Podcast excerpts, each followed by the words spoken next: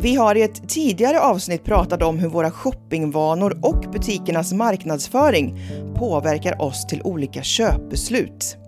Mycket handlar om psykologi och beteendemönster hos oss konsumenter.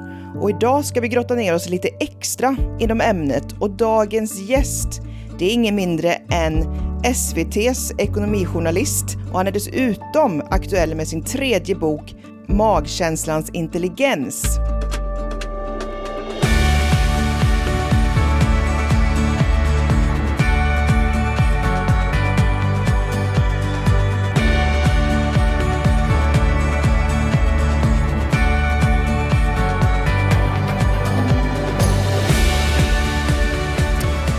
Varmt välkommen till Koppa Lagom-podden Alexander Norén. Tack så mycket, kul att vara här. Du, väldigt kul att ha dig här. Hur är läget? Det är bra. Jag eh, är nöjd över att eh, boken är klar. Jag har hållit på med den i några år. Så det är lite stolt eh, pappa som ser sitt barn eh, ta sina första stapplande steg. Ja, jag förstår det. Grattis, är ju tredje boken som sagt. Eh, men innan vi går in på nudging och beteendeekonomi så tänkte jag höra lite, du är ju också programledare för Koll på pengar. Ja, det var en, en sak som jag gjorde på, för svt.se för, för något år sedan i alla fall. Mm. Eh, och där så var meningen att ta tag i de här grundläggande ekonomiska frågorna kring privatekonomi ofta som, som man kanske inte har grepp om. Till exempel ränta på ränta-effekten eller hur, hur mycket avgifter spelar roll i, i slutändan om man, om man låter dem rulla på. Ja, kom ni fram till den här programidén för att ni upplevde att svenskarna har dålig koll på ekonomi, eller hur kom det sig? Jag det kommer sig att jag under alla år som jag har jobbat som ekonomijournalist har märkt att människor kommer fram till mig och, och ber om råd. Och eh, det spelar ingen roll om vem det är, det är ungefär samma frågor som dyker upp. Och det, det handlar ofta om liksom så här, bostäder, ränta, boränta, ska man binda eller inte? Eller, eller eh, vad ska man välja för sparande i fonder och så? Och att eh, reaktioner från tittare och läsare liksom genom åren har varit så här, ja men ekonomi är så krångligt, men nu när ni gjorde det här så fattade jag. Det är inte så konstigt. Det kan ju vara till och med väldigt eh, spännande. Så att om man bara berättar om det på ett sätt som avmystifierar det hela och visar på att grunderna, det är några få grunder man behöver ha koll på. Och när man väl har koll på dem, då, då öppnas liksom upp en värld av förståelse. Så det är inte så konstigt. Så att därför kände vi, vi gör några sådana avsnitt som, som betar av de här frågorna en och en. Mm. Vi på Shoppa Lagom upplever att ekonomikunskapen och intresset framför allt är ganska svalt från 18 till 30-åringar. Vad har du för eh, uppfattning om det? Ja, men jag förstår det. För att någonstans så i den åldern så har man framtiden för sig. Man tror att man ska eh, landa värsta jobbet och man kommer att klara sig ekonomiskt. Och sen blir man oftast kanske bara en, en lite äldre och något klokare men kanske inte nödvändigtvis så mycket rikare version av sig själv när man spolar fram bandet 20 år. Och eh, när det är dags att skaffa bostad eller större, ja, då, då, och kanske börjar man tänka på pensionen. Då kommer det där i kappen när det blir mer påtagligt att man faktiskt är lite äldre. Så att i de här unga åren så lever man väldigt mycket här och nu. Det är roligare att konsumera och inte tänka på sådana saker som man uppfattar som tråkigt att eh, se till att ha ett sparande. Mm. Överhuvudtaget så är det väl så att det är, vi ställs inför många fler beslutssituationer idag och så många fler valmöjligheter idag i allt från hur man ska spara i olika former till eh, erbjudanden man får om att köpa på avbetalning si eller så. Så det är möjligt att att det är krångligt för att det är fler mm. saker som kanske upplevs som krångliga. Tidigare var det inte så jäkla mycket att välja på utan, och ofta så fick man liksom förpaketerat för en så då kanske man inte upplevde det som att man inte hade koll på det. Nej, och sen en annan sak som jag har tänkt på det är att jag såg ju min pappa sitta med pappersräkningarna, skriva mm. ner i de här bankgiroblanketterna, lägga i ett kuvert och sen gå och posta. Det var en annan eh, process. Ja, det var mer påtagligt. Det gick liksom inte att undvika det kanske som, som, som barn då att, att, eh, hur, hur föräldrarna tog hand om ekonomin. Men, men och, och, där är utmaningen. Hur kan vi i en värld där vi betalar elektroniskt återskapa det där som gör att man förstår att det faktiskt handlar om riktiga pengar och att plus och minus liksom inte måste, det måste gå ihop det där eh, debet och kredit. Jag hoppas att det kommer många fler tjänster i form av appar och eh, hjälpmedel för det. Jag ser redan liksom inom området fintech, eh, finansiell eh, techutveckling, som det är på gång. Eh, mm. Hoppas att det blir, någon, det blir mer utbrett och att folk använder sig av det. Som, och där kommer nudging in. Hur mm. kan man visualisera hur din ekonomi mår på ett sätt som gör det begripligt men också attraktivt att bättra på den genom att kanske minska konsumtionen om, man, om appen märker att du har slösat rätt mycket på eh, sena tider ute på stan på krogar. Eh, eh borde du inte gå hem två timmar tidigare så skulle du spara 3000 spänn eller sådär. Det varit underbart. Menar, sånt är möjligt med teknikens hjälp kan man nudga folk till eh, en sundare ekonomi. Mm. Jag tyckte du hade ett väldigt bra exempel i, i programmet Koll på pengar där du pratade om snöbollseffekten mm. och eh, den motsatta effekten också. Precis, slukhålseffekten. Ja, men snöbollseffekten är ju ränta på ränta där metaforen är eh, när du tar en snöboll och rullar den ner för ett berg så blir det så samlar den på sig för varje varv ytterligare lite snö som gör att nästa varv så kommer den samla på sig ytterligare mera snö ränta på ränta. Det är en 100, 100 kronor med 10 ränta. Ja, det blir 110 kronor nästa gång som ska få 10 ränta och så vidare. Och i slutändan, om den får snurra tillräckligt många varv, tillräckligt många år av sparande, så får du mycket, mycket mer pengar än vad, du, vad man egentligen tror. Därför att man tror ju att sparandet är bara den där eh, 500 eller tusenlappen varje månad som man sätter av. Men nej, med den ränta på ränta-effekten så växer det exponentiellt. Eh, och mm. omvänt, om du sparar i fonder med en avgift på 1,5 procent så kanske du tycker det låter inte så mycket och varför ska jag välja någon som har en halv procent bara? Det är bara en procents skillnad. Men den där procenten kan under ett helt liv, om du börjar spara när du är 20 och ska gå i pension sen, kanske utgöra en tredjedel av de pengar som du har kvar. Så kraftig är då ränta på ränta-effekten, snöbollseffekten respektive slukhålseffekten som slukhålet det gröper ur ditt sparande.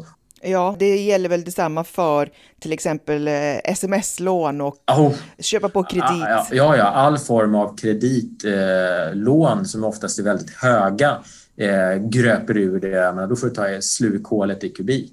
Vi har ju en hel del föräldrar som lyssnar på ja. den här podden. Hur pratar du själv med din dotter och dina barn? Ja, jag har tre ekonomi? barn, eh, en 12-årig dotter och två söner, 14 och 16. Och ja, det, eh, den första lärdomen som förälder är att barn är väldigt olika, mycket mer olika än vad jag trodde barn kunde bli med samma föräldrar när, innan jag hade fått barn. Jag menar, en son är, är mer så här, väl, han är väldigt sparsam. Han, han köper mm. nästan aldrig någonting, han samlar pengarna på hög. Eh, den andra har mer en benägenhet att konsumera så fort som pengarna de brinner i fickan. Liksom. Så man måste prata med dem på olika sätt. Den äldre sonen har då inget problem med, eh, snarare tvärtom, men borde du inte unna dig någonting? Eh, och, och, den andra sonen, där eh, har vi tänkt att... nej men till exempel, jag föreslog, men du, du upptäcker ju ofta att du har slut på pengar. Vet du var de kommer ifrån?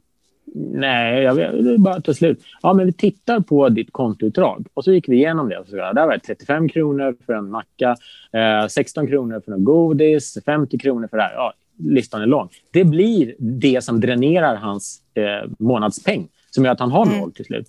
Och Då bad jag honom reflektera över det. Tycker du att det var värt det, alla de här grejerna? För att idag så upptäckte du att du hade noll när du ville köpa de här coinsen i Fifa eller du ville köpa ett par dojor. Eh, vad hade du helst haft? Hade du helst haft coinsen i Fifa eller de där sneakersarna? Eller hade du helst haft alla de här små grejerna du plottrade iväg det på? Och då svarar han ju naturligtvis att jag hade helst haft de här dojorna som jag köpa nu. Ja, synd för nu, men hur kan vi göra annorlunda då? Och då kom han själv på att ja, men jag kanske skulle kunna ha något konto jag lägger undan pengar till utan att jag gör det själv. Utan det är automatiskt. Kan du inte skapa det? Ja, absolut. Så bara in i telefonappen, skapar ett nytt konto till dig, kallar det eh, Rädda mina pengar-konto. Eh, ja, men bra. Sätt över eh, 100 kronor i, i, i månaden till det, eh, eller vad det nu var för summa. Så att jag inte ens ser att jag har de pengarna på mitt vanliga konto som mitt kort går till. Så löste jag med honom och det funkar faktiskt. Där har han nu ett sparkapital eh, som gör att om man trillar på några fantastiska dojor så har han pengarna att köpa dem för. Eh, och det där borde vi också som vuxna göra. Det är väldigt enkelt knep. Ja, det är lite nudging åt sparhållet ja, då. Att göra, ja. ja, nudging handlar om att konsten att göra det lätt att välja rätt. Omvänt konsten att göra det svårt att välja fel. Och bara det faktum att dina pengar ligger på ett annat konto innebär en viss friktion. Innebär att du åtminstone måste gå in i appen och sen gör, föra över dem till det andra. Och under den tiden så hinner du förhoppningsvis känna att men nu håller jag på att stjäl pengar från vad jag borde ha pengarna kvar till. Är det verkligen vad jag vill? Och om det inte var världens grej så kommer du också tycka att det är lite jobbigt att hålla på och flytta dem. Så att då kanske du bara hoppar över det. Ja, ja men eh, mycket bra tips. Autogiro kan man väl kalla det för. Ja, okay. Ja, det är intressant det där och vi på Shoppa Lagom som sagt, vi främjar ju för att folk ska bli mer medvetna om sin egen ekonomi.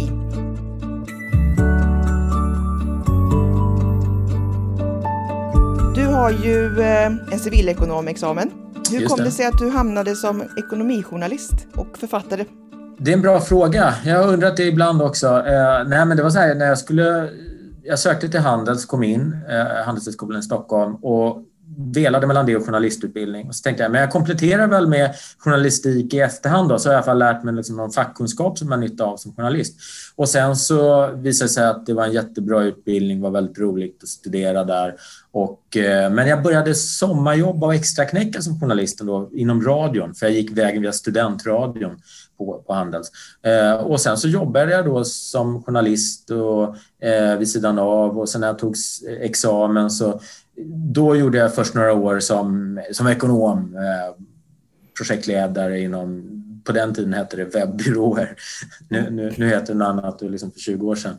Eh, men sen kom jag tillbaks till att jobba, jobba som, inom journalistiken till 100 procent och, och, och, har väl mer eller mindre varit där sen, sen dess. Och mm. nu allt mer då utnyttjar mina ekonomikunskaper som ekonomijournalist. Mm. Och nu är vi ju inne i en väldigt digitaliserad värld. Hur tror du att det påverkar vårt konsumtionsbeteende? Ja, en konkret grej är att eh, vi snart inte betalar alls med några kontanter. Eh, unga har väl inte sett kontanter sen, sen de fick en eh, hundralapp av mormor för liksom, när de var småbarn det gör ju i sig att vi kanske konsumerar mera därför att forskning har visat att när man betalar med kontanter så aktiveras smärtcentrum här uppe eh, mycket mer än när man betalar med kreditkort och för att inte tala om hur det är när du betalar med ansiktet. Jag var i Finland och testade en sån lösning. Det var så skrämmande för att det verkligen, det kändes inte att jag betalade. Jag bara klickade på så här, hej jag vill ha en latte med en, med en uh, smörgås och sen okej, okay, titta in i kameran, bra, tack, gå vidare. Det kändes inte att jag betalade. Så om, om, om, om det är så friktionsfritt och inte aktiveras tillräckligt mycket smärta att ge ifrån sig pengar så är det mycket lättare att, att göra av med pengar. Det är bara, mm. det framförallt tänker jag på. Och hur ska man då med, med, med ens barn lära dem att inte bara klicka köp utan faktiskt tänka efter hur mycket tar det här bort pengar från mitt sparkonto? Att visualisera det och kanske framkalla den där smärtan smärtkänslan i hjärnan. Det tror jag är en utmaning för just sådana här sparande tjänster och appar som borde titta på det för att jag tror vi måste tillbaka till att det känns jobbigt att ge ifrån sig pengar. Mm. Och det är väl där fintech-området har en del att eh, hämta så att säga. Mm, det finns mycket att göra. Eh, en person som jag har träffat som jag tycker är väldigt intressant är Richard Taylor, ekonomipristagaren, för några år sedan. Jag träffade honom i Chicago och eh, han är ju lite grann eh, nudgingens fader som gjorde det här konceptet eh, nudging utifrån beteendeekonomi och ekonomisk psykologi så identifierar ju han vilka beslutssituationer eh, är det risk att man ramlar i en beslutsfälla givet hur hjärnan funkar, hur den har utvecklats och vad vi har för benägenhet att, eh, att fatta beslut i vissa givna situationer. Till exempel kan det handla om en sån sak som är väldigt stark eh, drift, nämligen eh, förlustaversion. Vi, eh, vi hatar att förlora mer än vad vi gillar att vinna, samma sak. Så om man som säljare presenterar ett erbjudande som gör att det känns som att man kan gå miste om någonting om man inte nappar på det, så är det större sannolikhet att du nappar på det än om man eh, paketerar i form av ja, det här är fördelarna med det här. Till exempel då så hade jag innan jag träffade honom varit ute på stan och skulle köpa med någon present till min eh, fru. Så var det några armband och då var jag erbjuden tre för två. Och då tänkte jag så här, ja, det är ju bra att få en tredje på köpet. Det känns ju som att jag är dum om jag, går, om jag inte utnyttjar det. Ja, men min dotter kanske vill ha ett armband också. Ja, den tredje. Ja, men jag själv, tusan, den där var ju fin. Ja, så jag slog till på det. Eh, Fast jag egentligen bara hade tänkt köpa en. Så i slutändan så hade jag betalat mer, köpt fler grejer varav alla kanske inte behövdes. Eh, men, men det som var i den situationen var att jag kände att jag går härifrån annars, om jag bara köper en, och har lämnat en bakom mig som hade varit gratis. Jag förlorar en. Så den förlustaversionen var så stark i och med att jag föll för det där. Trots att jag liksom kan det här och, och liksom läst på mycket om det. och Till och med skulle liksom intervjua forskaren nummer ett om det. Så han skrattade när jag berättade den där historien sen. Men, men, men han, och, eh, han har varit väldigt bra på att popularisera det här också och föra ut det brett. Så det är väl en person som jag skulle vilja lyfta fram av dem som jag träffat som, som man kan lära sig mycket av. Mm. Men det här begreppet då, nudging, eh, jag bara undrar, är det någonting som man har kommit på efteråt att marknadsförare och säljare har börjat locka oss? Eller hur, hur kom det upp?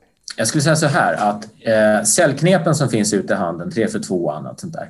Det tror jag att man har lärt sig genom åren eh, genom trial and error. Man har märkt att ja, men det här funkar. Sen så har forskarna tittat på varför funkar det? Vad är det för mekanismer i hjärnan, vad är det i vår psykologi som gör att vi faller för det?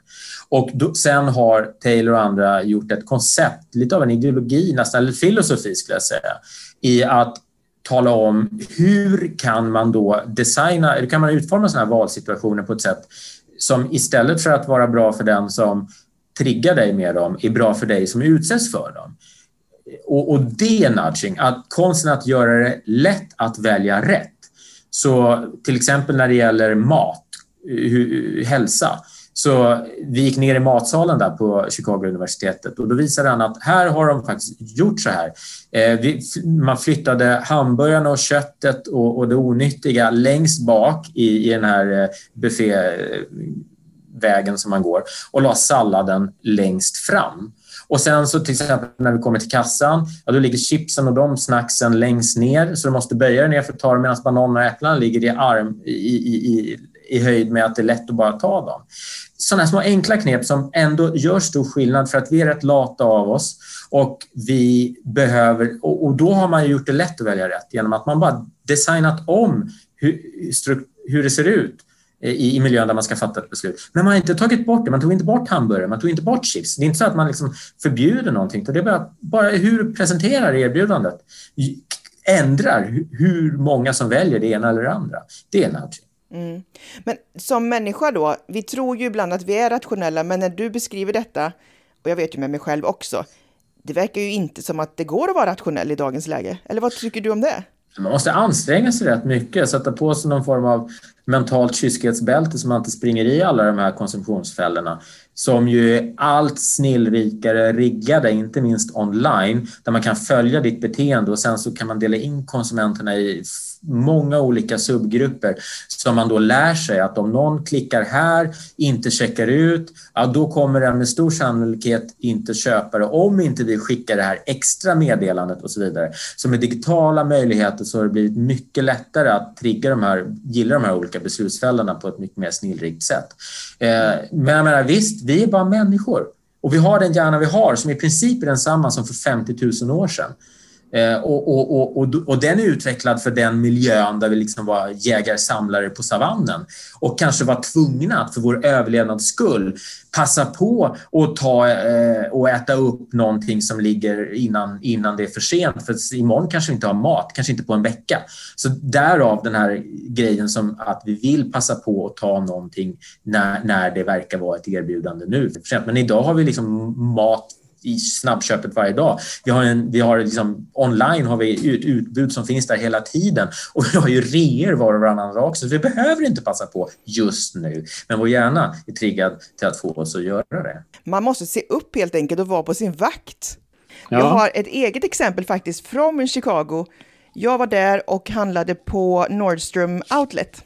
I slutet på kvittot kanske inte nudging per se, men i slutet på kvittot så stod det Thank you so much. You have now saved yourself X ja, amount of dollars. Det är väl, det är väl en fin...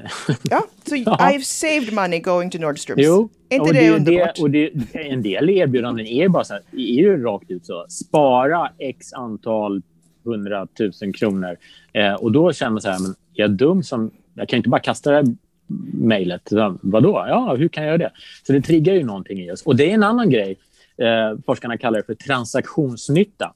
Till, till hyfsat stor del, i alla fall i resammanhang, så shoppar vi eh, för glädjen av att få göra en bra deal. Det är det de kallar transaktionsnytta. Det skapar liksom en glädjekick i vår hjärna att känna att vi har gjort en bra deal.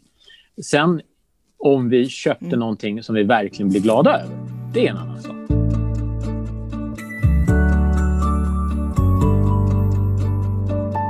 Din nya bok här nu då, Magkänslans intelligens, en vetenskap. Vad tar du upp där? Varför den heter Magkänslans intelligens är därför att jag intresserade mig för hur fattar man kloka beslut? Är det genom att man eh, går på magkänsla eller är det genom att man kopplar på liksom Excel-arket i hjärnan och försöker vara superrationell och räkna på allting hela tiden? Eh, om man tröttar ner det till, och jag skriver om flera olika typer av beslutssituationer, men ett kapitel handlar om handla smartare, det heter det. Ett annat heter konsumera lyckligt. Då, då ser jag vad är det vi kan använda av den här kunskapen, vetenskapen kring beslutsfattande i de situationerna. Och magkänslan då, då den kan vara både smart och dum.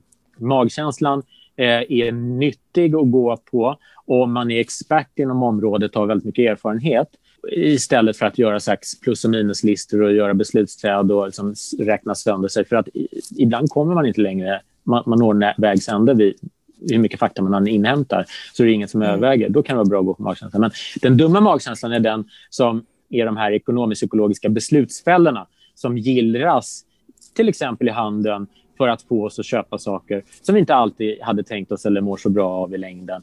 Och där menar jag på att då om man, till exempel i det här fallet med ja, men passa på nu innan erbjudandet tar slut, köp tre, betala för två. Det väcker en slags magkänsla inom dig som inte är den smarta utan den som utnyttjar de här psykologiska svagheterna som vi har med oss bara därför att vi är människor. Bara därför att vi genom evolutionen har, har lärt oss det framgångsrikt att, att agera på vissa sätt i vissa situationer. Eh, men idag, i dagens moderna samhälle så, så, så, är det inte det lika funkis längre. Utan då, men vi har fortfarande benägenheten att falla eh, för förlustaversionen eller såna där saker. Och då om man paketerar ett erbjudande på ett sätt som triggar det, då, då kan man få det att göra något som kanske inte är så bra för dig. Det, det är vad jag menar är en dumma magkänsla. Mm. Eller vi är ju mitt i en pandemi just nu. Ja. Hur tror du det kommer påverka vårt konsumtionsmönster eller shoppingmönster? Alltså, paradoxalt nog så tror jag att det ökar konsumtionen. Eh, mindre i fysiska butiker av uppenbara skäl. Men e-handeln, den boomar ju. Eh, det är ju en av eh, pandemin, ekonomins stora vinnare. Och ja. eh, Jag tror att när man kommer att göra boksluten över både Black Friday och julhandel så kommer det nog inte bli så dystert som en del kanske trodde från början. Utan jag tror att vi kommer att se att ännu mer har skiftat över till e-handeln. Och när då människor inte har varit ute och kunnat gå på krogen och kunnat eh, slösa pengar på stan för, på en burgare här eller där så har de faktiskt lite mer pengar över. Och pandemin gör oss deppiga och det är tråkigt att inte träffa vänner. Vi vill fortfarande ha lite kul. Vad gör vi då? Då tror jag vi går ut på nätet och shoppar en liten kul grej. Vi har shoppat fler små eh, saker som gav en liten snabb kick och inte kanske var så roliga och viktiga i längden. Eh, så den typen av eh, e-handlare som har såna saker som inte kostar så här jättemycket och som är lite tröst på såren, shopping, det tror jag faktiskt kommer att ha ett uppsving.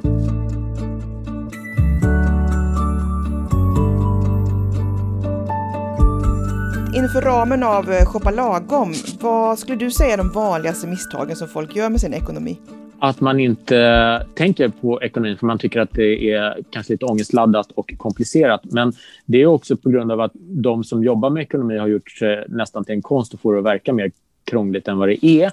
Delvis därför att de tjänar på det. För att om du då till exempel ska ändå kommer till skott och tänker att jag borde spara till, till, till en lägenhet eller någonting. Ja, då kanske du dyker upp på en bankkontor och då har du liksom en säljare där, kanske inte så mycket en rådgivare, eh, som ju då liksom, du känner vad den säger, ja det, det, det, är, väl, det är väl rätt då, för, jag, för, för det här är ju så komplicerat med fonder. Eh, om man istället från början i skolan hade lärt ut grunderna i typ ränta på ränta-effekten, vad eh, räntan på, på, ett, på ett konsumtionslån verkligen gör i slutändan, eller Eh, ta det här basic med aktier och fonder och, och så vidare, så man kände att man hade liksom en grundnivå. Då skulle man inte vara i händerna på, på experter som man då eh, lägger för mycket kanske eh, förtroende på och bli lite mer mäktig själv. Eh, för att i grund och botten, det är inte så komplicerat. Vi måste avmystifiera ekonomi och, och, och göra det till en slags lika eh, allmän kunskap som att läsa och räkna. Eh, det, det, är det första, men det, det, kanske inte vi kan göra någonting åt just nu. Eh, utan det kan man hoppas att, att utbildningar, eh, skolan liksom tar till sig mer av. Annars då, i dagsläget så skulle jag säga att det vanligaste misstaget är väl att man tänker att kan, om, om du tänker sparande, jag, jag kan börja senare. Jag är 20, mm. varför ska jag göra det nu? Pensionen är långt borta och man lever i nuet och så vidare. Då tror jag att det handlar om att som förälder att börja med när barnen är små, att, att sätta av en peng i månaden till dem som de sen kan få se aha, har jag det ett sparkapital som växer? Och sen så en gång om året, så här mycket har det vuxit nu. Så att man mm. gör, får med dem från början och, och förstå att det lönar sig för att ränta på ränta-effekten gör att det där växer väldigt mycket mer än vad man skulle kunna tro. Att de upptäcker det. Och sen kommer de ha en liten slant när de blir 18 och då är frågan så här, eh, ja, kommer de bränna det direkt eller inte? Det beror på ens personlighet. Men om de har fått vara med och eh, övervaka det där och se hur det har vuxit, då kanske det svider mer att, att bränna det och man förhoppningsvis kanske fortsätter och bara låter det vara och ticka på. Och vänta även ditt första jobb. Du kanske inte har världens lön. Eh, men även, du anpassar alltid, det här är en annan jätteviktig, du anpassar alltid dina utgifter efter dina, dina inkomster. Så att så även om du, ja, så även om du, men du kan gå till dina rika människor de, de upplever också om de då, ja, såvida de inte har miljarder på banken, liksom, eller många miljoner. Men alltså, människor som är höginkomsttagare, de har också slut på pengar i slutet av månaden. Varför då? Därför att de har en helt annan livsstil. De konsumerar mycket mer dyra saker. De, för varje gång som du får mer pengar i, i, i lönekuvertet så, så går du, uppgraderar du till en dyrare utemiddag, till ett dyrare vin när du är vuxen och så vidare. Så de där, eller en dyrare semester. Så att egentligen är det så att du kan börja redan i början med att börja spara. För att då, då är det bara att ja, då gör du av med mindre onödiga saker om du, så länge som du inte är liksom på existensminimumnivån. Så att mm. det vanligaste misstaget är att jag väntar med att spara tills jag tjänar mera. Därför att mm. du kommer alltid att ha lite slut i slutet av månaden för att du anpassar dig och, och, och spenderar mer. Mm. Så det är sparandet man ska fokusera på först istället för att kolla på sitt konsumtionsmönster? Ja, alltså konsumtionsmönstret är väl snarast ett, ett, ett utfall av om du hade eh, om, om, du inte har sparat. Men om du har sparat, då kanske du ett inte har så mycket pengar att konsumera onödiga saker för. Men, men sen, sen, sen kan du i och för sig råka ut för att du liksom köper saker på kredit. Eh, och, och, Det är ett problem oavsett om du har sparat eller inte. Men troligtvis, om du har blivit en sparare så har du börjat känna att det här är någonting som är viktigt att ha en, en buffert och en trygghet. Du upplever den känslan att inte du går ur hand i mun bara för att månaden tog slut innan, eller pengarna tog slut innan månaden var slut.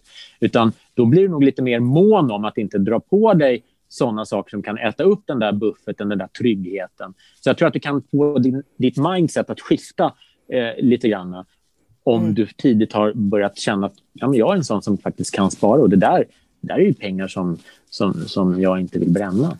Mm. Bra. Du har ju faktiskt skrivit en annan bok som heter Hög på hus. Ja. Där du pratar om statusjakt och ytfixering. Kan du berätta lite mer om det? Ja. Det som ligger mig närmast i, i, på näthinnan är faktiskt vad jag skrev just om, om det här eh, i min senaste bok Magkänslans intelligens. Och, och då pratar jag om det eh, som eh, det sociala löpbandet. Eh, det, det, är mänskligt att vilja jämföra sig med andra, men det börjar tidigt som barn och i tonåren blommar det ut fullständigt och en del blir liksom inne i den här märkeshetsen. Eh, att man definierar sig i förhållande till, till vad andra har. Och sen fortsätter det där genom livet. Eh, du, du köper eh, en, en, en, lägenhet kanske om du eh, lyckas komma upp dit och, och, och får råd att göra det. Eh, ja, då kanske du tänker att eh, vilket kvarter är det? Eh, du inreder det. Oh, måste det vara på... Eh, jag får hem vänner. Ja, kanske vill att det ska finnas i alla fall en fin soffa eller någonting. Eh, det, det, lever med oss i livet. Men, men grejen är den att vi kommer alltid förlora den där, det där racet. Därför det kommer alltid finnas någon som har en ännu större lägenhet, som har en ännu nyare eh, smartphone. och man, man, man, jämför sig hela tiden uppåt. Man jämför sig mm. inte neråt. Så att då kommer man alltid gå omkring och vara lite otillfredsställd.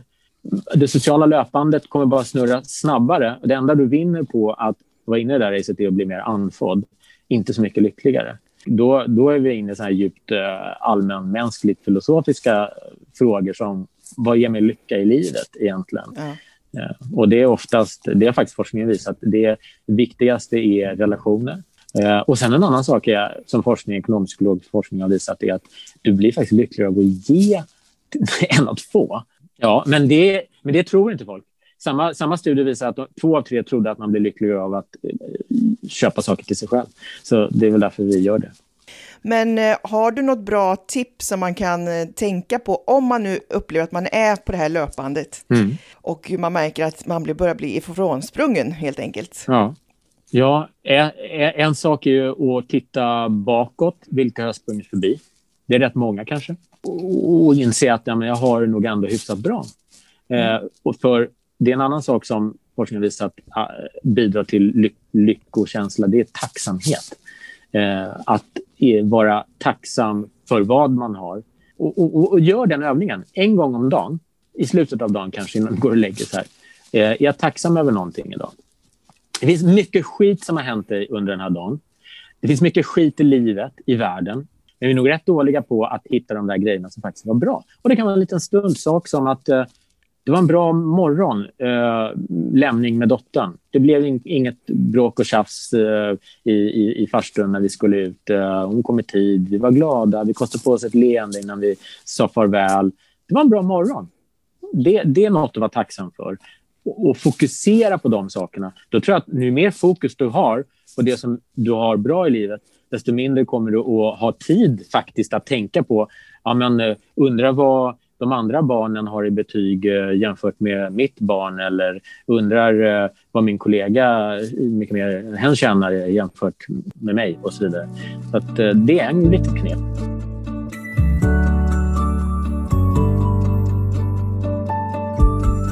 Sista frågan här. Vad är ditt sämsta respektive bästa köp? Ja du, eh, mitt bästa köp är nog, är nog eh, vår eh, första eh, riktiga bostad. Eh, går tillbaka till hög på hustiden när jag skrev den. Då, det var ju för att vi hade egentligen inte råd att flytta till villa. Så jag, var, jag, var, jag var fattade att jag, jag måste göra ett bra köp. Eh, jag kan inte vara med i de här budgivningarna utan jag måste bli expert på det här och det var då jag började forska kring vad finns det för e-, ekonomisk-psykologiska teorier som kan rusta mig att eh, genomskåda vad folk eh, eh, försöper sig på och vad som blir underskattat i onödan. Och det var då jag skrev den boken. Och, ja, men vi hittade ett hus till slut i ett, i ett område som egentligen var för dyrt men som av olika skäl inte gick så bra när de skulle sälja och då var jag där och slog till. Och sen mm. det sämsta, inte en enskild grej utan det är alla de här småsakerna som jag fortfarande trillar dit på. Nu senast när det var en rea så gjorde jag just det här misstaget som jag varnar andra från att göra. Klickar på ett mejl med ett erbjudande. Det 50% rabatt bara nu. Och sen när man går in så upptäcker man att dessutom är det 20% rabatt om du köper över en viss eh, summa egentligen hade jag inte behov av någonting. Men så hittade jag en datorväska som jag tyckte var skitsnygg. Och så började jag tänka så här, men det där datorfodralet som jag har, det har ju inte ett armband. Och ibland är det bra att ha det. Jag behöver nog en sån med handtag och armband ändå. Eh, och den där var ju billig. Jag borde slå till nu. Ja, just det. Man måste några hundra till för att eh, få, få, få 20 till. Ja, men det här kanske skulle kunna funka som en present till min dotter. Ja, men hon blir säkert glad för det. Ah. Och sen, men faktiskt, där hejdade jag mig och skaffade mig lite en cooling off period. Eh, det är faktiskt vad man pratar om på, för, för spelberoende på kasinon. Att, att man liksom, för vissa... Eh, eh, du ska ha en cooling off period innan du slår till. Innan du eh, loggar in. Liksom. Skaffa sig det. Samma sak här. Skaffa dig en cooling off period innan du klickar på köp på varukorgen. Då gjorde jag det faktiskt. Och, mm. Eh, då hann jag känna så här, mm, jag väntar lite med att fatta det där beslutet. Och vet du vad, jag räddades av slumpen. Därför att sen när jag gick in och kollade förresten i den här varukorgen, då var den där väskan slut. Så, nej, så jag slapp köpa. Jag slapp också känna att jag gick miste om det. Liksom. Det var jättebra. Så att, eh, det var väl ett... Men sådana där saker drabbas jag fortfarande av. Men jag har ju då blivit lite bättre eh, på att hantera i och med att jag då har den här cooling off perioden som innebär att jag, nej, jag klickar inte på köp nu. Jag väntar faktiskt och sover på saken.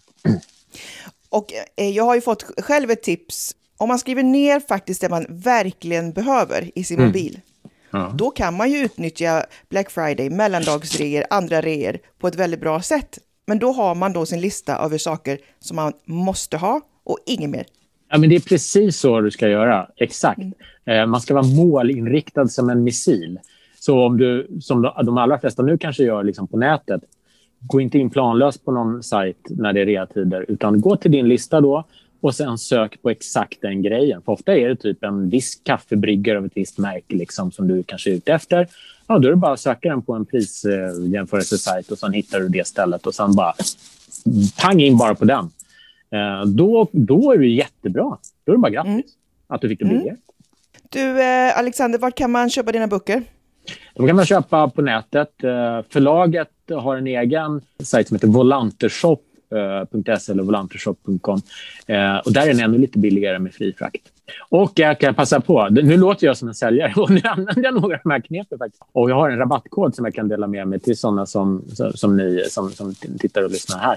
Eh, tänk före e-koden. Då får man den till 20% rabatt. Jag tror att då blir den inte billigare någon annanstans. Mycket bra. Och kan man följa dig personligen någonstans? Ja, jag på Twitter eh, finns jag, eh, Alexander Norden. Och sen så finns jag på Instagram och Facebook. Och jag har en blogg, alexandernoren.se. Jättebra. Då Alexander önskar jag dig lycka till med att stå emot dessa köpimpulser och ett stort tack för att du var med i Shoppa Lagom. Ja, tack, det var jättekul att vara här. För fler tips, råd och verktyg om hur du hittar ditt lagom, besök shoppalagom.se. Shoppa Lagom är ett initiativ av Alectum Group.